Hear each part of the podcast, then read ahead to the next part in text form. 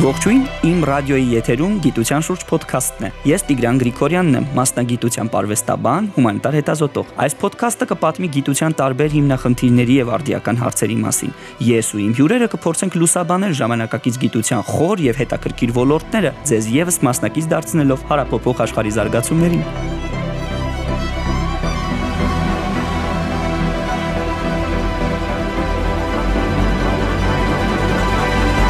Իմ ռադիոյի եթերում գիտության շուրջ զրույցն է, Տիգրան Գրիգորյանն եմ։ Այսօր իմ հյուրն է Արքմենիկ Նիկողոսյանը, գրականագետ, խմբագիր, եւ այսօրվա թեման կլինի ֆուտուրիզմը։ Չափազանց հետաքրքիր նյութ, որ ժամանակակից եվրոպական գրականության եւ ընդհանրապես հայ գրականության կարևոր շերտերից մեկն է, եւ կուզենայի երկու բառով նախ ներկայացնեի ես հասկացությունը որպես այդպեսին։ Ֆուտուրիզմը ճիշտ ասած ավելի հին պատմություն ունի, քան ժամանակակիցությունն է, թեպետ այսօրվա գրականության մեջ էլ իրավացի ես եւ հայ եւ համաշխարհային կարելի է տեսնել ֆուտուրիստական շատ շերտեր, պարզապես մեր ժամանակների բնույթն այնպեսին է, որ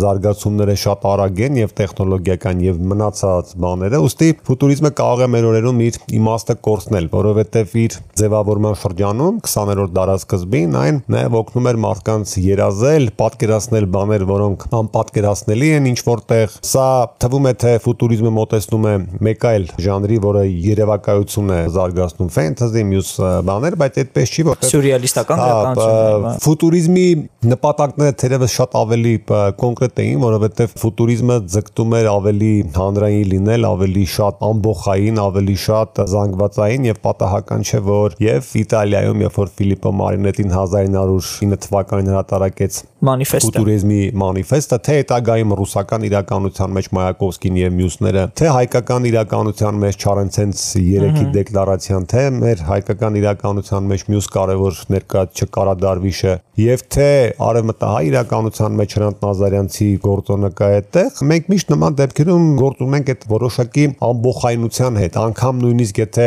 շատ մարդիկ չեն հավաքվել ֆուտուրիզմի շուրջ ընթերցողական կամ այլ տեսանկյուններից ապա ֆուտուրիզմի դրսևորումը որպես գոյություն դրա տեքստային իրացումները մյուս ձևի իրացումները միշտ որոշակի այդպես ժխորային տրամաբանություն ընդհանրապես 20-րդ դարի հետ կապված ես համաձայն եմ այդ ամբողջվարման առանձնահատկության շուրջ որը բնորոշ է ֆուտուրիզմին ինչ որ առումով նաև բայց ընդհանրապես 20-րդ դարի բանաստեղծությունը որպես այդպեսին կոնստրուկցիայի փլուզման ժամանակաշրջան է համարվում, բայց միևնույն ժամանակ դա ինչ որ տեսանկյունից հավաքման Տես այդ առումով եթե ֆուտուրիզմի պոետիկան նայենք արդեն այն ինչով ոնց որ դրսևորվեց, որովհետև մենք հիմնականում տպավորությունը հայ ընթերցողը ստանում է դե Չարենցի երկերից, Ազատ Վշտունու երկերից, հիմնականում Չարենցի եւ այդ առումով պատկերացումները մի քիչ թյուր են, որովհետև Չարենցը ինչպես բոլոր դեպքերում այդտեղ էլ իր յուրահատուկ կնիքը թողնում էր, այնինչ իր մյուս ընկերները Աբովն ու Վշտունին ավելի այսպես նաեւ ձևի տեսանկյունից էին համոզված այսպես ֆուտուրիստներ, որովհետև տես առերևույթ թվում է թե քանդում է, որովհետև երեքի դեկլարացիան էլ էր դա հրճակում 1923 թվականին, բայց մյուս կողմից, երբ որ մենք այդ տեքստերի հետ գործ ենք ունենում, տեսնում ենք թե ինչքան կառուցիկ են միևնույն ժամանակ ֆուտուրիստական տեքստերը, որպեսզի շատ հեռուն չգնամ, ընդամենը երկու օրինակ բերեմ։ Առաջինը երևի քչերն են նկատել, Եղիշե Չարենցի Երկիր նայիրի վեպում է դա, իդեպ ովքեր կարդացել են, նկատել են, որ այնտեղ շեղատարերով կամ ընդգծված տարերով կամ այսօրվա տերմիներով bold իտալիկով բազմաթիվ նախադասություններ, անուններ, բառեր կան եւ ես տարիներ առաջ երբ որ կարդացի Գրիգոր Պլտյանի հայկական ֆուտուրիզմ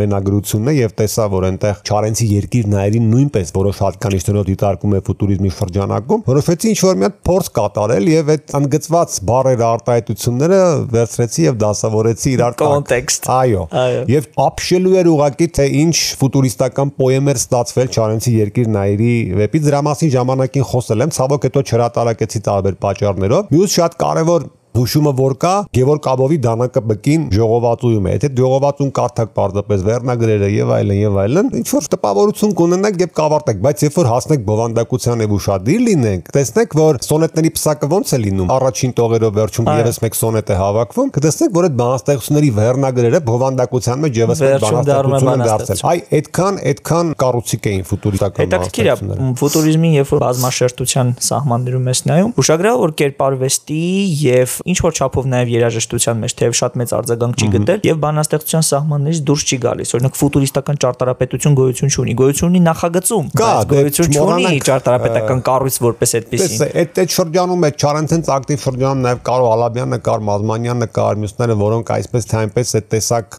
որոնումների մեջ են եւ որոնումների մեջ եղել են եւ չմոռանանք Մկրտիչ Արմենի Երևան վեպը կա, դեպետ ավելի ուշ գրված արդեն 1931 թվականին լույս տեսած, բայց ըստ էության երբ որ այնտեղ նայում են երկու ճարտարապետների պայքարը, նրանց մեկը ֆուտուրիստ է, ըստ ամենայն, ըստ ամենայնի ֆուտուրիստ է, որտեվ մեր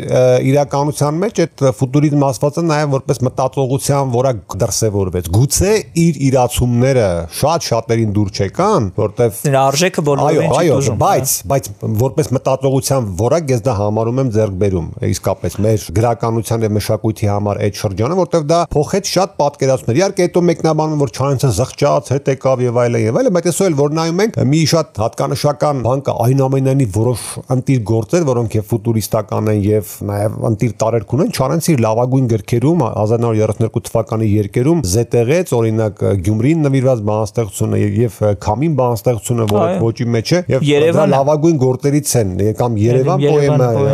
այդ ճկնախ պոեմը, որ գրվեց այդ շրջանում, այնպես որ որպես մտածողության որակ պետք է բարձր գնահատել, պարզապես գուցե ձևային արմով մենակ մի քիչ շատ турք տվեցին ձևին չարեցնել ունի այդպիսի գործեր, հատկապես պոեզո զուրնագրքում, հետո կոմալմա նախում ունի այդ տեսակ գործեր, որտեղ ցավոք ձևին շատ է դուք տված։ Ես կուզեի խոսել նաև ֆուտուրիզմի մասին արևմտահայ իրականության մեջ, որտեղ սա իսկապես ֆենոմեն է, որտեղ մենք երբ որ սովորաբար խոսում ենք ֆուտուրիզմի մասին, առաջինը հիշում ենք Չարենցին եւ իր ընկերներին, բայց 1910 թվականին արդեն շատ ավելի մեծ խիզախունտեր հա, եր ունեցել։ Մարինետի մանիֆեստի հրապարակումից ընդամենը 1 տարի անց արևմտյան Հայաստանում Պոլսում արդեն Հրանտ Նազարյանի թարգման թարգմանությամբ Փայլուն մտավորական էր Հրանտ Նազարյանցը արդեն թարգմանվել եւ ներկայացվել էր ֆուտուրիզմի մանիֆեստը հայերեն։ Սա շատ կարեւոր փաստարկ է։ Եվ մյուս կողմից ֆուտուրիզմի կենսունակությունն եւ որակն էլ ընդգծելու համար չպետք է մոռանանք նաեւ Կարա Դարվիշին, որը իմ տպավորությամբ եւ վերլուծություններն էլ ցույց են տալիս բարեբախտաբար նրա երկերը հիմա հրատարակվում են եւ ընթերցողը հնարավորություն ունի ավելի մոտիկից նայելու։ Նկատի չունեմ ես վեպերը ավելի շատ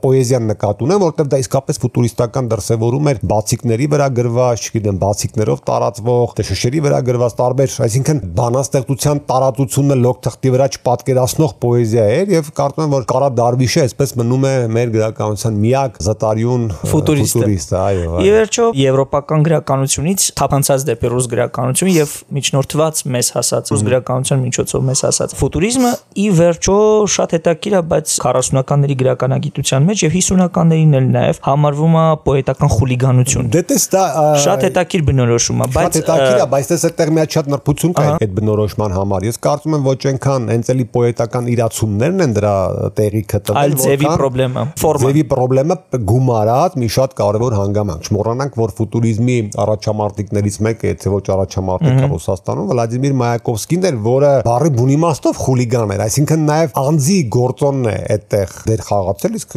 Մայակովսկու հատկապես այդ 10-ականների վերջերի 20-ականների սկզբի բանաստեղծությունը շատ ներդաշնակ են իր կերպարի եւ Վարտիկավոր ամպը։ Այո, այո, Վարտիկավոր ամպը ամեն ամենատարբեր գործեր ունի այնտեղ շատ-շատ անտիր գործեր ունի դեպ այդ շրջանում Մայակովսկին շատ անտիր բանաստեղծներ ունի, բայց Մայակովսկին էլ, հա, օրինակ վերցնում էր պոեզիան հրապարականացնում էր հրապարակներում, բեմերում կարդում էր եւ այլն եւ այլն, որպեսզի ինքն էր հիշված այդ պատմությունը, ինքն էր տպում եւ ինքն էր բաժանում։ Այո, այո, դրանք ֆուտուրիզմի մասին խոսելիս մենք այդ տեսակ գործոններ պետք է բան անենք, որտեղ շատերը պատկերացնում են ահա ֆուտուրիստականը այնպիսի բանաստեղծություն է, որ կարելի է գրքով հրատարակել, վերցնել, կարդալ։ Չէ, ամեն ինչ բացի գրքից, էլի, ամեն ձև բացի գրքից, որտեղ երբ որ վերածում ես գրքի, ես եմ, որ բովանդակությունը ֆորման է կորում։ Էլի ինչ որ բան կորում է եւ պատահական չի, որ նույն Չարենցեն շուրջ երեքի դեկլարացիայի շրջանում աղմուկը, աղակը, իրենց հավակնությունները, բանավոր հայտարարությունները, դիսպուտները, ելույթները տարբեր տեղերում շատ ավելի ազդեցիկ էին, քան բուն գրքերը եւ մի հետաքրքիր չափազանց հետաքրքիր օրինակ կա այդ շրջանի, երբ որ Նիկոլ Աղբալյանը Չարենցի առաջին նկատողներից եւ գնահատողներից մեկն էր ասում,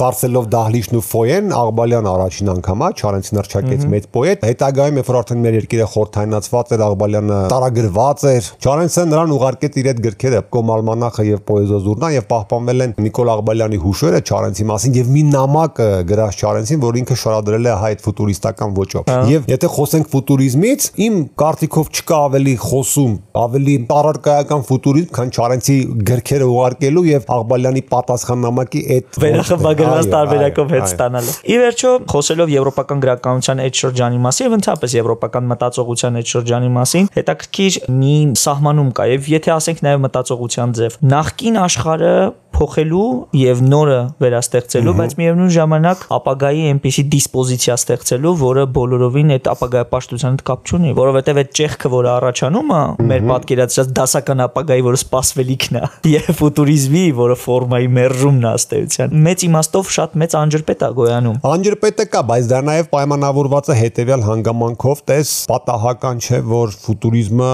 շատ մեծ օգնություն եղավ օրինակ խորթային գաղափարախոսությանը հատկապես 20-ական թվականներին։ Այո։ Պատահական չէ, որ ֆուտուրիզմը շատ մեծ կարևոր դեր խաղաց Իտալիայում, Գերմանիայում ֆաշիստական գաղափարախոսության տարածման գործում եւ պատահական չէ, որ նույն ինքը Ֆիլիպպո Մարինետին արդեն Մուսոլինի էր, չէ՞, անունը Մուսոլինի այդ վարչակարգի ժամանակ Իտալիայում գրողների միության նախագահն էր եւ այլն։ Ոչ պատահական։ Ոչ պատահականորեն, որովհետեւ ֆուտուրիզմը թերևս ամենից շատ ծառայեցվեց քաղաքականության եւ հատկապես այն տեսակ գաղափարախոսության, ինչպիսիք են խորթային Ստալինյան, հա, այդ կոմունիզմի, կոմունիզմի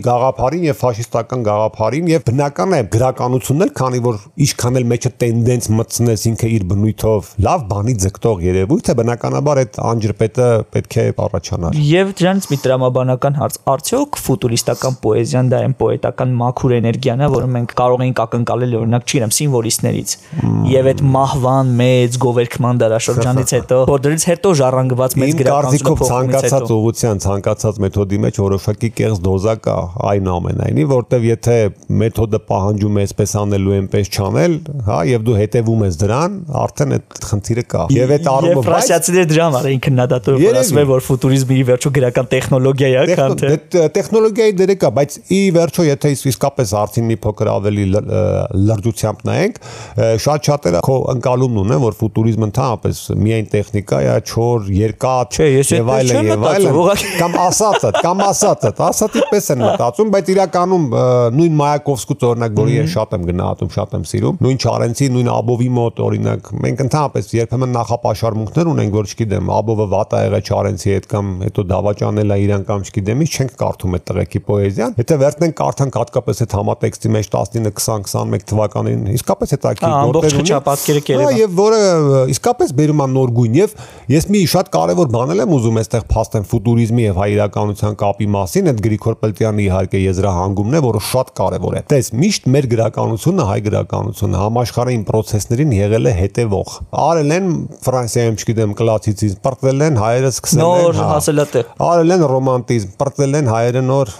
ռեալիզմ, հայերը նոր եւ բնացած բոլոր ուղությունները։ Միակ անգամը եւ առաջին անգամը, երբ որ հայ գրականությունը զուգահեռ քայլել է համաշխարհային գրականությանը, դեղել է Չարենցի շնորհիվ եւ իր ընկերների ֆուտուրիզմի պատճառով, այսպես ձևակերպել։ Հրանտ Նազարյանցին չմոռանանք այդ ճանապարհը։ Այո, առիթը է էս։ Շատ հետաքրքիր է եւ քաղաքականության, եւ գրականության, եւ մարդկային մտածողության, այսինքն փիլիսոփայական նոր շերտերի առաջ գալու հետ։ Դե գիտես, եթե հիմա փիլիսոփայական շերտերից էլ խոսենք ֆուտուրիզմի, որին էլի շատերը կամահարանքով են մոտենում, այդտեղ իսկապես լուրջ դրված Ուր դրված խնդիրներ կան։ Ի վերջո ավանդ գոյություն ունի, ավանդիկ մեծ Մեծ նաև նենգություն կա այդտեղ դրած, ինչ որ մարդիկ աշխատել են այնուամենայնի, որտեվ հեշտ բան չի, հա, գրական մեթոդով քաղաքական հարցեր լուծել։ Դա լուրջ բան է։ Եվ ես ուզում եի հենց խոսքը որ վերջին հարց բերել եւ հանգեցնել դրան, որ երբեմն այդ ժամանակաշրջանի գրական տեքստեր, երբ որ նայում ես, նույն ռուս կոմունիստների քաղաքական մեծ ելույթները, չգիտեմ, նրանց հրապարակած հոդվածները, բան որ դու նայում ես, տեսնում ես, որ դրանք ֆուտուրիստական տեխնոլոգիայով գրված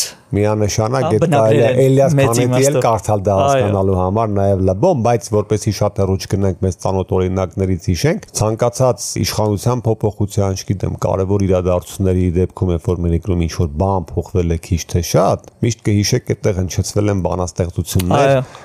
որոնք հետո հատկապես վերջին ժամանակ նաև ռեփ երգի էին վերածվում, չգիտեմ, ինչ էր սա, սա մտածելու բան է, մտածելու բան է ամեն դեպքում։ Շատ լավ, շատ լավ, շատ լավ լավ, հետաքրքիր զրույց էր, շնորհակալ եմ շատ հյուրընկալվելու համար։